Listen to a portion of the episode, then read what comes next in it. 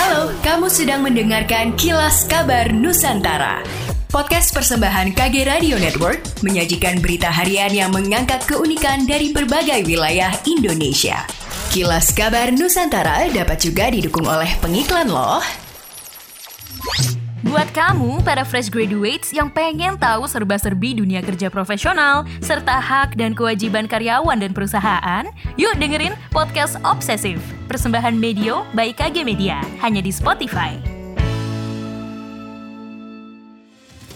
Gubernur Sumatera Selatan, Herman Deru, meminta supaya pembangunan flyover Sekip Ujung dikebut pengerjaannya supaya bisa segera dinikmati oleh masyarakat.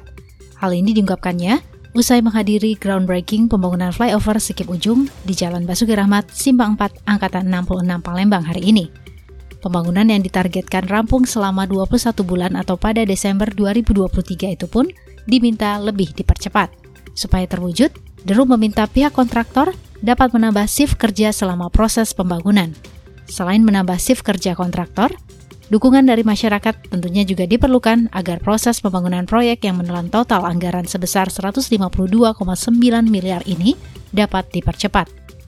Wali Kota Makassar Dani Pomanto menanggapi rencana pemerintah akan menghapus status tenaga honorer 28 November 2023 mendatang. Dani mengatakan kebijakan itu pada dasarnya telah direalisasikan lebih awal dengan cara mengganti istilah tenaga honorer menjadi Laskar Pelangi. Dia menjelaskan Laskar Pelangi sudah menerapkan sistem outsourcing, di mana masa kerja sudah terbatas, bergantung kinerja, kontrak, dan lainnya. Olehnya Dani meyakini kebijakan tersebut tidak akan mengganggu stabilitas pemerintahan. Di sisi lain pihaknya mengaku masih membutuhkan pegawai outsourcing lantaran lantaran jumlah ASN terbatas. Hal itu mengacu hasil analisis kebutuhan dengan kekurangan 12.800 pekerja.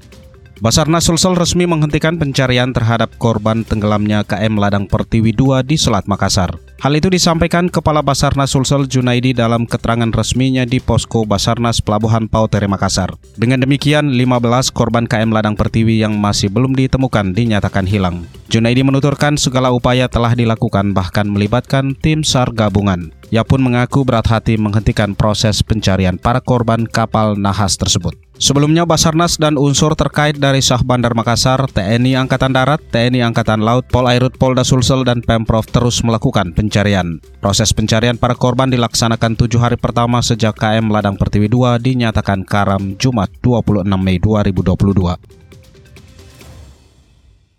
Demikianlah kilas kabar Nusantara pagi ini.